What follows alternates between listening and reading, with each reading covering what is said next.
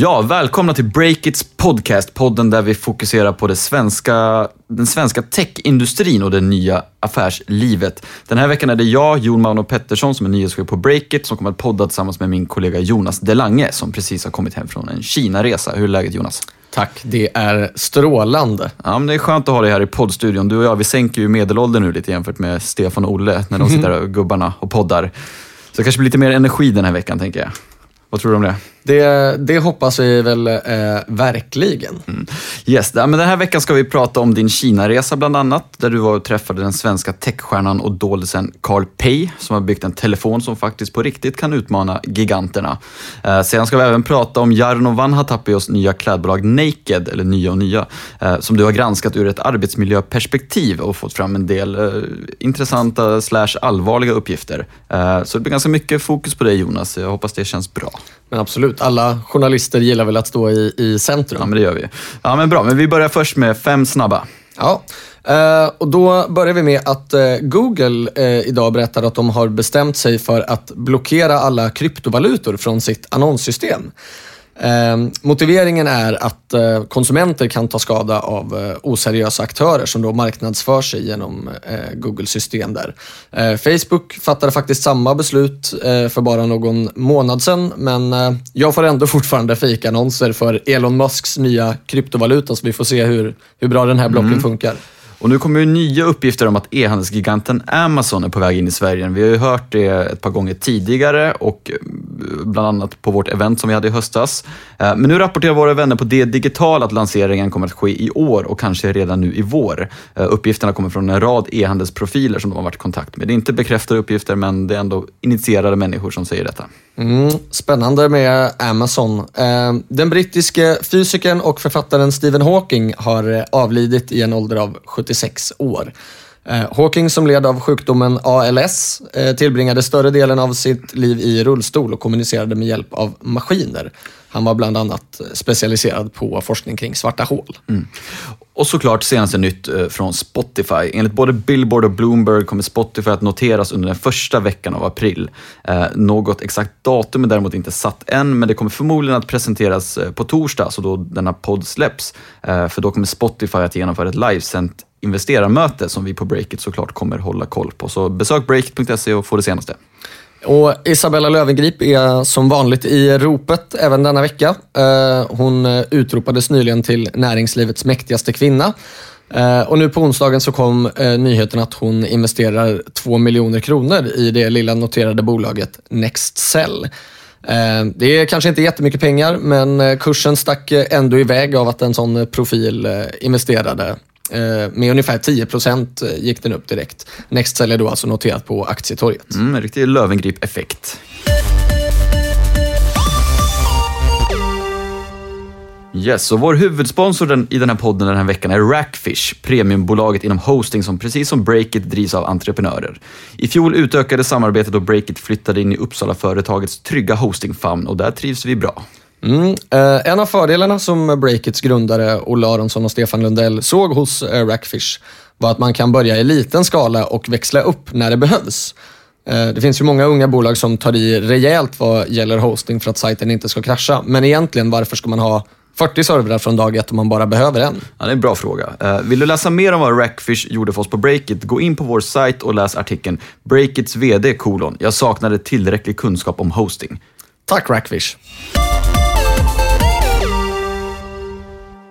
Ja du Jonas, du kom ju hem till Sverige nu eh, här i veckan eh, efter en veckas vistelse i Hongkong och Kina. Berätta, varför åkte du dit? Eh, ja, men det stämmer. Vi, vi har ju åkt på en rad olika eh, reportageresor till techhubbar det senaste året. Vi har åkt till New York, vi åkte till Barcelona, Nairobi åkte, åkte Erik till. Och jag eh, bestämde mig då för att eh, Hongkong och Shenzhen, som grannstaden heter, var stället jag vill åka till. Eh, så där träffade jag flera olika entreprenörer. Eh, eh en sån här eh, maker som har ett eh, stort YouTube-konto där hon bygger olika konstiga robotar och besökte faktiskt även en, en fabrik där som tillverkar åt flera svenska företag. Men huvudnumret var ju ändå Carl Pei, alltså den här svensk-kinesiska killen som mm. bestämde sig för att utmana Apple med med sina telefoner. Just det, det är en sån här profil som vi på Breakit har följt ett tag, eh, lite på avstånd då, eftersom han befinner sig i Kina oftast. Eh, Men alla våra lyssnare kanske inte känner till honom. Eh, Dra lite kort, vem är han och varför är han intressant? Ja, men, Carl Pei är uppvuxen i USA och Sverige och har kinesiskt påbrå. Eh, han hoppade av Handels för att han tyckte att det var för lite fokus, dels på det digitala och dels på Kina. Och eh, flyttade då till just Kina. Där började han jobba på eh, en av landets största mobiltillverkare, Oppo. Eh, och sen bröt han sig ut därifrån då tillsammans med sin eh, parhäst för att starta det egna mobilverket eh, OnePlus. Just det. Och vad, vad kan man säga om eh, de här telefonerna och bolaget? Ja, OnePlus har liksom profilerat sig eh, som en leverantör av eh, flaggskeppstelefoner, alltså det vill säga översta liksom, premiumsegmentet där som eh, iPhones ligger och Samsung Galaxy S, vilket nummer de nu är på. Ehm, skillnaden med, mellan OnePlus och de här är att priset kan ligga på ungefär hälften för en OnePlus-telefon. Okej. Ehm, även fast komponenterna i stort sett kan vara, kan vara samma. Eh, förra året omsatte de eh, 1,4 miljarder dollar, alltså drygt 11 miljarder kronor. Eh, samtidigt så är det ju så också att eh, i världen så såldes, jag tror det var 1,6 miljarder smartphones förra året. Så de har fortfarande en ganska liten andel av den totala marknaden kan man säga. 11 mil- miljarder är ändå 11 miljarder, det är ju pengar. Eh, vad kretsade själva intervjun kring? Var det något nytt på OnePlus-fronten eller vad, vad pratar ni om? Eh, ja, men det, var, det var en väldigt intressant intervju faktiskt. Mm. Eh, Carl Pei berättade väldigt eh, ödmjukt om sitt, sitt största fiasko som var OnePlus 2, alltså den, den andra telefonen i serien. Mm. Bland annat så berättade han hur han, bara baserat på mediernas förväntningar av hur det skulle gå, beställde 100 000 extra telefoner bara Okej. för att för att det skulle verka som att bolaget växte. Eh, och när den telefonen sen inte mötte eh, publiken och fansens förväntningar så förlorade de faktiskt eh, pengar på både OnePlus 2 och eh, den nästa versionen. Så de hade en, en modell på sig att, att rädda bolaget. Hade de förlorat pengar på den också så hade de gått under. Men de lyckades vända det. Och Det var därför de nu gick direkt från OnePlus 3 till 5 för att nu är de lite rädda för jämna siffror. Ja, jag förstår. Men vad, vad lyckades de med, med sin nya telefon? Var det något speciellt de gjorde där? Eller? Nej, han, han berättade väl att eh, i, i grund och botten så handlar det om att hitta tillbaka till liksom, kärnan i, eh, i produkten. Liksom. Att det inte ska vara... Deras tes från början var att eh, andra mobilleverantörer lägger på för mycket liksom, trams ovanpå med du vet, så här, roliga filter och olika onödiga appar som man använder i marknadsföringssyfte. Liksom, istället för att bara gå för en, ja, men en, en kraftig telefon med en schysst kamera. Liksom. Eh, och att det var det de, de glömde lite. Eh, sen så, vad gäller vad som är nytt nu på bolaget, så var han lite, lite hemlighetsfull kring det. De liksom gnetar på och försöker fortsätta bygga bra telefoner, var liksom budskapet där. Och vad har han för relation till Sverige då? Han, han pluggade på Handels har jag för mig, om jag inte missminner mig. Eh, bor han i Sverige eller vad, vad har han för relation till Sverige idag? Han, han bor just nu i en resväska verkar det som. Han Okej, mm. reser, reser otroligt mycket. Ehm, men han berättade också i, i intervjun att han är eh, lite rädd för, för utvecklingen i Sverige och hur det ska gå. Han Mhm. menar att liksom, Vilken utveckling då? Som entreprenörsland eller vad? Ja, men exakt. Alltså, eh, för att hålla sig på... Alltså, Sverige har ju en, liksom, en särställning i, i techvärlden och producerar otroligt många storbolag för att vara ett så litet land. Men han menar att det kan vara... Vi kan vara på väg att bli omkörda här om vi inte skärper oss. För att i Kina händer det väldigt mycket grejer och det är ingen i Sverige som riktigt tittar på, på Kina. Vilket han ju i och för sig har, har ganska rätt i, tänker jag. Ja. Hade han någon analys i varför det var så? Är det liksom språk och stora barriärer någonstans? Ja, men det, det var dels, eh, dels det här att det är långt bort. Liksom, Att folk pratar inte kinesiska och det, det, känns mycket mer, det känns mycket närmare med liksom, den europeiska amerikanska marknaden. Sen så, eh, en annan grej är ju faktumet också att, att kinesiska bolag själva inte rör sig så himla snabbt till västvärlden för att Nej. de har en så stor inhemsk, inhemsk marknad. Han, hade, han hintade också om att han hade någon liten plan för att förändra på det här på något sätt. Eh, Få fler svenska entreprenörer att titta mot Kina. Men, men exakt vad eh, har jag inte riktigt fått, eh, fått klart för mig. Ja, jag förstår. Vad tog du annars med dig från Kina då? Liksom på tal om att det är väldigt stora skillnader och sådär. Liksom hur, hur, hur var det att vara där? Eh, ja, men den första grejen eh, som jag märkte var att liksom, så fort man sätter sig på eh, tåget från flygplatsen in till Hongkong så märker man bara så här, shit vad stort allt är. Eh, det är ju verkligen, jag tror knappt jag såg en enda byggnad i Hongkong under 30 meter. Liksom. Det finns inget annat än, än skyskrapor och höghus. Eh, och då, ja, London känns pyttelitet i, i jämförelse och Shenzhen var ungefär likadant. Eh, så så det var väl det första jag reagerade på. Också hur snabbt allt växer. Alltså, Shenzhen är en stad på, jag tror det är 12 eller 15 miljoner invånare och den fanns inte för 30 år sedan. Liksom. Och det blir lite hårdvarumecka kan man säga, eller? Ja, men absolut. Eh, Shenzhen är, är ju då... Det började, anledningen till att det har växt fram var för att man etablerade någon form av ekonomisk frihandelszon eh, eh, där med Hongkong så att man kunde flytta produktionen från Hongkong till, in till fastlandskina. Eh, och sen dess så har det liksom blivit då mer och mer hårdvaruproduktion. Det är där OnePlus bland annat då har sin fabrik. Eh, eh, Google har eh, utvecklingscenter där, Samsung har utvecklingscenter där och så vidare. Och, sen, du träffar ju fler än Carl Pay. Du träffar även Sebastian Svensson som är en entreprenör som har drivit en form av Stureplan.se fast i Kina ungefär. Eller men han har sålt den tror jag. Hur var, hur var det mötet? Ja, men exakt. Han eh, har avslutat sitt eh, engagemang i det bolaget kan man säga. Är det Eh, Stureplan.se liksom? Eller vad ska man kalla det? Ja, men det är i grund och botten, jag måste erkänna att jag personligen har, eftersom jag är uppvuxen i, eh, i Norge, så har jag knappt varit inne på Stureplan.se. Men, men det här uh, Lifestyle Asia då är liksom ett digitalt livsstilsmagasin där de försöker, försöker liksom sälja, ehm, ja men Ja men typ som vilket annat så här, coffee table magazine som helst. Liksom, fast, eh, fast på nätet då, och på den marknaden där det inte fanns. Liksom. I, I Europa har vi hur många som helst eh, sådana. Och vad håller han på med nu då? Eh, ja, men nu har han ett, ett nytt, eller nygammalt bolag ska man säga, som heter Ash. Han eh, gick in och startade det eh, redan Eh, för flera år sedan, men det är först nu han har börjat jobba operativt i, det då, efter att han lämnade sitt gamla bolag. Eh, och där hjälper de eh, västerländska bolag och varumärken att ta sig till Sydostasien. Så han kränger bland annat eh, Sound Industries Marshall-lurar i Thailand. Liksom, exklus- exklusiv distributionspartner på det. Okej. Ja, men det ska bli kul att läsa. Sebastian är ju för övrigt eh, son till Uppsalas krogkung Lasse Svensson. Visste du det? Ja, så. Nej, det hade jag ingen aning om. Det är sånt man får veta i Breakits podcast. Eh, ja, men coolt. Vi får läsa mer om din Kina-resa nästa vecka på breakit.se.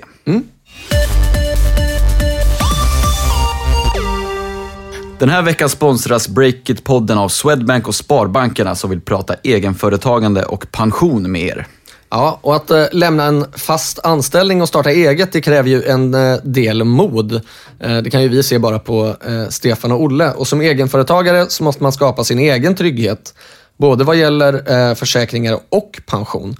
Det finns liksom ingen arbetsgivare eller kollektivavtal som gör det åt dig längre. Ja, precis. Det gäller att ha koll på pensionen och kanske börja sätta av pengar till en tjänstepension ifall den allmänna pensionen känns otillräcklig. Ett annat tips för att öka tryggheten är att se över dina försäkringar. Eh, Vad händer med ekonomin om du blir sjuk eller bryter ett ben och inte kan jobba på ett tag till exempel? Mm. Och vill du veta mer om hur du kan stärka tryggheten som egenföretagare, gå in på swedbank.se trygga företag, alltså TAG och läs vidare. Tack Swedbank och Sparbankerna. Ja, du Jonas, nu tänkte jag att vi ska prata lite om den svenska moderaketen Naked som grundats av entreprenören Jarno Vanhatapio. Eh, Jarno är utan tvekan något av en stjärnentreprenör inom e-handeln eh, och han har bland annat byggt upp tungviktaren Nelly.com tidigare. Eh, men sedan några år tillbaka så driver han alltså för ett Naked, eller NAKD som vissa säger, som växer i raketfart. Eh, för våra lyssnare som inte har koll på Naked, hur skiljer de sig från andra modeaktörer på nätet skulle du säga?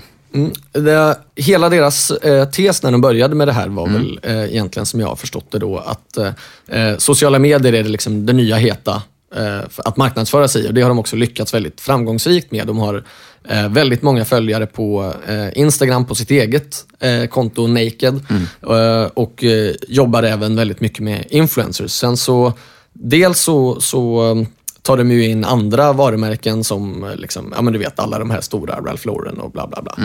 Eh, men eh, designar och, och tillverkar också egna kläder. Eh, vilket är den, den affären som egentligen går bäst för dem. Det är deras egna e-handel och deras egna kläder. Ja, det känns ju väldigt rätt i tiden också, det de gör just där i alla fall. Att man, man äger ju hela kedjan från pro- produktion till försäljning via egen sajt och så här. Det är inga mellanhänder, vilket innebär att marginalerna blir ju väldigt goda. Ja, det, det är ju förhoppningen för dem. Fortfarande så går de ju med, med förlust, men eh, det gör kanske inte så mycket. De har ju fått in, eh, jag tror det är un, ungefär en halv miljard i, mm. i riskkapital från spelare som Northzone och i equity. Omsatte ja. 400 miljoner förra året. Och det är ju väldigt mycket, och 400 miljoner får man väl säga ändå med tanke på, när grundades de? Var det två, tre år sedan? Eller? 2015, eh, ja. så att det var väl deras eh, andra eller tredje verksamhetsår som de eh, omsatte 400 miljoner. Då. Mm. Men de har ändå växt väldigt snabbt och Northzone investerar, som är första investerare i Spotify bland annat. Det, det, det är ju ändå ett hypat bolag får man ju säga. Ja, verkligen. verkligen. Det är, eh, vi har ju eh, själva på Breakit lyft fram dem liksom som eh, eh, ja, men den, den nästa eh, stora e-handelsraketen i Sverige. Eller raketen, punkt egentligen. Mm. Man pratar ju ofta om att, liksom, eller ofta, men vissa pratar om att H&M kanske borde blicka lite mot hur Jarno och de jobbar med sociala medier och sådär. Man designar ju bland annat kläder tillsammans med profiler på sociala medier och låter dem sälja och sådär för att nå ut ännu mer. Och, eh, ja, man, gör ju ganska, man är ju väldigt duktiga helt enkelt på det digitala. Mm. Eh, men framgången den kanske inte kommer gratis heller. Du, Jonas har ju gjort en ganska stor granskning nu av Naked och fått in en stor mängd vittnesmål om tuffa arbetsförhållanden hos dem. Eh, du kan väl berätta lite, vad, vad är det din granskning visar? Det här är någonting som, som jag egentligen först fick tips om i uh, november, tror jag det var. Mm. Så det är en sån här uh, grej som har legat liksom längst, längst bak på to-do-listan uh, över lång tid och liksom långsamt jobbat sig fram. Mm. Ehm, men det det framförallt handlar om, då, de personer som jag har pratat med har kortfattat sagt att eh, ja, man jobbar väldigt många timmar på Naked. Som anställd? Ja. ja. Eh, det, det, förväntas eh, att eh, man definitivt inte går, eh, går hem innan klockan fem någonsin och eh, att helst så ska man jobba två, tre timmar över. Liksom. Annars så kan man få... En av, en av källorna, bland annat i, i, i artikeln, nämnde att när han hade gått hem vid normal arbetstid så hade någon annan på kontoret sagt till honom att jaha, du jobbar du halvdag idag eller? Okej, det är ganska hård, liksom, man förväntas jobba hårt enligt dem du har pratat med. Hur många har du pratat ja. med? Ja, men det, det, handlar om ett, ett tiotal personer som jag har varit i, i kontakt med. Och Det kan man ju tycka då på ett bolag som har idag ungefär 200 anställda så är det inte, eh, inte jättemånga personer så, men eh, det är ändå eh, signifikant. Vi har också då hittat alltså, eh, åtta åtta eh, anställda som blivit eh, utbrända eller sjukskrivna av, av stressskäl eh, efter att ha jobbat där. Mm. Är det många som vill prata om det här? För det är ändå ganska känsliga frågor, vet man ju av erfarenhet som journalist. Liksom, det är inte helt lätt att få folk att prata om att man mår dåligt och sådär nödvändigtvis. Hur, hur har det varit att jobba runt det här? Jo, men det, har varit, det har varit lite ups and downs. Alltså, vissa personer är ju eh, väldigt glada att få prata om det då under anonymitetsskydd. Eh, det är ju mm det är ju återkommande hos alla. Liksom, att så här, ja, men om, jag, om jag sätter mitt namn på det här så är jag rökt i branschen för all framtid. Så, att, så att det är inget som vi gör och det kan man ju förstå. Samtidigt så är det ju flera andra personer som har sagt att bara, nej men jag vill inte prata om det här, jag har lagt det bakom mig och, och nu, nu ser jag framåt. Eh, sen till protokollet också kan man säga att vi har ju också pratat med folk som tycker att eh, Naked är ett bra företag och, och har trivts på Naked. Så det, är inte, det är inte så att alla som har slutat heller är, är supermissnöjda. Liksom. Nej. Men det är ändå, ett, hur många anställda som du har varit i kontakt med som du har fått höra eh, liksom blivit utbrända och sjukskrivna av stress? Vad sa du, var det åtta stycken eller? Ja, åtta personer har vi, eh, har vi hittat och fått liksom bekräftat från, från flera håll. Eh, och varför tycker du att det här är anmärkningsvärt då, den här siffran? Ja, men det, det är ju så här, eh, vad ska man säga, alltså det, det är en konstig siffra att, att uh, ta till sig och liksom laborera med. Så här, hur många har blivit sjukskrivna av stress? Mm. Um, om vi här på Breakit liksom skulle ha en anställd som blir eh, utbränd liksom, så skulle ju det vara, vara ett hårt slag för, för Stefan Olle som har startat bolaget och försöker bygga upp liksom, en sund företagskultur. Mm.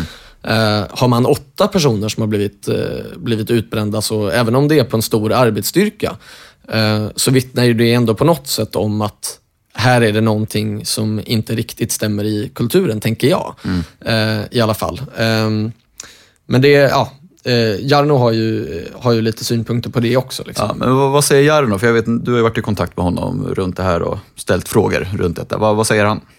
Ja, men eller hur. Eh, eh, jag har pratat med honom, eller, eller så här. Han vill inte svara på telefon, utan han vill bara svara på mail. Mm. Eh, och Det första som han eh, säger är ju då att, eh, att ledningen inte förväntar sig något annat än 40 timmars arbetsvecka. Det är det som står i avtalen och det är det man förväntar sig att folk eh, jobbar. Men säger också då att om man är mer ambitiös än så, så stänger de inte heller kontoret klockan fem. Um, när han inte har de förväntningarna så säger, säger ju jag då mot, som motfråga att här, ja, men folk berättar ju ändå för oss på breaket att de har känt en press att, eh, att jobba mer än 40 timmar. Och då vill han inte riktigt eh, svara på det, eh, kan man säga, utan han bara konstaterar att, eh, att de liksom, förväntningarna som ledningen har är 40 timmar och inte, inte mer, kan man säga. Men, men ska man, kan man inte argumentera för att liksom, det kan vara lite tufft i startup-branschen? Liksom, att det är ett nystartat företag, man gasar på mycket. Det, det kanske, det kanske är okej okay att det är lite tuffare där. Liksom, vad tänker du om sådana argument? För det kan jag tänka mig att vissa tänker när man lyssnar på det här eller kommer läsa artikeln. Ja, men absolut. Alltså det, äh, att, det, är att bara, man... det är bara att sluta liksom, om man inte trivs, kan man ju argumentera. Absolut, och det, är ju, eh, det, finns ju, det går ju absolut att ha en sån love it or leave it eh, policy. Och mm. Det är ju också det som flera flera av källorna säger att, att man eh, får höra ibland liksom att eh, om man inte trivs på Naked så är det helt okej, okay, men då kan man jobba någon annanstans. Mm. Eh, det är ju ibland lättare sagt än gjort i branscher där det är, är hård konkurrens, men att Naked skulle vara det enda stället där man jobbar hårt, det tror, det tror ju inte jag heller. Eh, sig, vi kan ju bara se på vår egen bransch, eh, journalistbranschen, att här är det ju flera arbetsplatser som inte har... Här, här på Breakit har jag det väldigt bra. Men, Allt är fantastiskt. ja, exakt. exakt. Jag har inga problem alls med Breakit. Men, eh, eh, men det, det, är hårt på andra ställen såklart också. Um, det som ändå gör det här eh, signifikant, tycker jag, mm. eh, är ju att det ändå handlar om så många personer som vi har pratat med. Och, och att det också handlar om ganska många timmar. Liksom. Det handlar om att man kan jobba kanske 70 övertids eh, timmar på en månad. Precis, och det är många som vittnar om det här också. Ja, men eller hur? Precis, för det är, det är alltid lite svårt med publiceringar och sådär runt när någon hävdar någonting och den andra hävdar något annat. Att mm. Ska vi verkligen publicera det? Och det är väl därför vi också kanske inte riktigt skjutit iväg det här tidigare. Men nu mm. har du ändå pratat med väldigt många personer som vittnar om liknande ja, väldigt eh, stor press när man är anställd där. Ja, men exakt. Och sen så, det, eh, det, går ju inte riktigt att publicera alla historier som eh, vi tar del av heller eftersom att då kan man, alltså om, om jag får höra en historia om hur man har suttit på ett möte och det har varit bara fyra andra personer i rummet så är liksom gruppen för liten för att man kan berätta om det, den specifika händelsen. Utan då får man skriva om det också i lite mer såna generella termer. Så att mm. Vi känner oss ändå väldigt trygga i den informationen vi eh, sitter på. Där. Ja, men det kanske blir läge att göra större grepp på det här på Breakit framöver. Men vad säger Jarno mer då angående just sjukskrivningar och sådär? För det, kan ju, det måste ju det, det är ju inte bra för något företag heller, liksom rent företagsekonomiskt och sådär. Nej, verkligen inte. Verkligen inte. Uh, och han säger ju då att liksom det, varje person som inte trivs är, så har de misslyckats med, med någonting och varje sjukskrivning är eh, en för mycket. Mm. Uh, Däremot så verkar han i sina svar, alltså som jag tolkar dem i alla fall, det får man ju läsa själv också på, på Breakit eh, när den här podden kommer ut. Eh, artikeln kommer väl på, på torsdag någon gång där. Um, så säger han ju också då att eh, ja, sjukskrivningar kan bero på en rad faktorer. Det behöver inte vara relaterat eh, till jobb utan det kan vara att man har problem med sitt privatliv. Liksom. Så att, okay. mm. ja, när, jag, när jag förtydligar för honom då att ja, men de här personerna uppger ju att det är deras jobb som har, eh, som har eh, gjort att de har blivit utbrända. Eh, så svarar han fortfarande lite så svävande att... Eh, han att, köper inte det riktigt kanske? Eller? Nej, men det, det, verkar inte riktigt så. Eller, eller vill i alla fall inte riktigt gå med på den, eh, gå med på den premissen. Då. Mm. Sen så är han ju, han kör ju också väldigt mycket den här att den, som, den som kämpar hårdast är, är den som kommer längst och jämför ju med Real Madrid. Liksom. Att ska man spela fotboll på toppnivå så måste man mm. räkna med att, eh, att det tar hårt. Just det, ja, men han är ju en riktig vinnarskalle sådär. Förmodligen därför också han har blivit väldigt framgångsrik också i sina, sitt bolagsbyggande tidigare också. Men, ja, och den jämförelsen hör man ju lite då och då, det där med liksom, vi spelar i topp, toppnivån och sådär. Mm. Ja, Sebastian Semiatkovski drog ju till eh, med den eh, också. Just det. Jag kan ju tycka att, att den jämförelsen haltar lite, kan man säga. Dels är det ju så att spelar man på Real Madrid så får man Eh, så får man ju miljonlön. Liksom. Mm. Eh, och... För det här handlar inte om en eh, chef som är delägare i bolaget riktigt, utan att hänga ut någon källa såklart. Men mm. det handlar om kanske folk lite längre ner i kedjan, eller? Ja, det, det handlar om folk på, på flera olika nivåer, okay. men det här är inte exklusivt. Alltså, det är inte så att det bara är ledningsgruppen som jobbar hårt och tycker att det är jobbigt. Eh, utan det, Eh, det är på, ja, som sagt, från, från botten och, och flera nivåer uppåt. Ja, men vad sa du, förlåt, angående... Nej, men, nej, men, men, eh, nej, men dels så får man ju då ut en miljonlön om man, om man spelar för Real Madrid. Eh, dels så är det också så att Real Madrid inte skickar ut praktikanter i Champions League, utan de får ju spela på juniornivå först. liksom. just det. Eh, och dels så, jag tycker den här jämförelsen bygger ju dels på att man jobbar hårt, men också ofta ett försvar för att man jobbar många timmar. Just det. 10 000 timmar innan man blir bra. Ja, men exakt. Eh, Så jag kollade upp det där med, faktiskt med Svenska Olympiska Kommittén, så här, hur mycket tränar en elitidrottare? Och då sa ju de liksom 20-30 timmar i veckan. Okej. För mer än så klarar man liksom inte att pressa sig själv eh, fysiskt. Man behöver vilan också. Så metaforen haltar. Ja, jag, jag, kan ju, jag kan ju tycka det eh, i alla fall. Ja, men det är spännande läsning och vi kommer säkert som sagt återkomma till den här typen av frågor framöver också. Så har man tips runt eh, liknande problematik på andra bolag så får man jättegärna höra av sig såklart. Eh, Jag, jag vill bara eh, lägga till också att så här, det är klart att i, i mindre bolag där det är en, en hård kärna, alltså om man tittar på Breakit till exempel, i eh, det första året så slet ju Stefan Olle och även du Jon som djur liksom, för att det här bolaget skulle, skulle lyfta. Men det är lite skillnad på när man har ett litet starterbolag också och när man har ungefär 200 anställda och tagit in en halv miljard i riskkapital. Liksom. Det. det går inte riktigt att jämföra eh, eh, de två då, situationerna. då kan man förvänta sig en annan kultur eller andra Ja, men en, lite annan, ett, lite, en lite annan standard, liksom. eh, tänker jag i alla fall. Det, det får ju också läsaren, eh, eller lyssnaren eh, snarare i det här fallet, fundera på själv också. Ja, men som sagt, det är intressanta frågor och vi kan även tillägga att e-handel.se även har rapporterat om Naked tidigare. Ja. eh, om denna typ av frågor. Eh, vi kan väl tacka alla som har lyssnat den här veckan och tacka våra sponsorer och såklart även Beppo ljudproduktion som har klippt den här podden. Ja.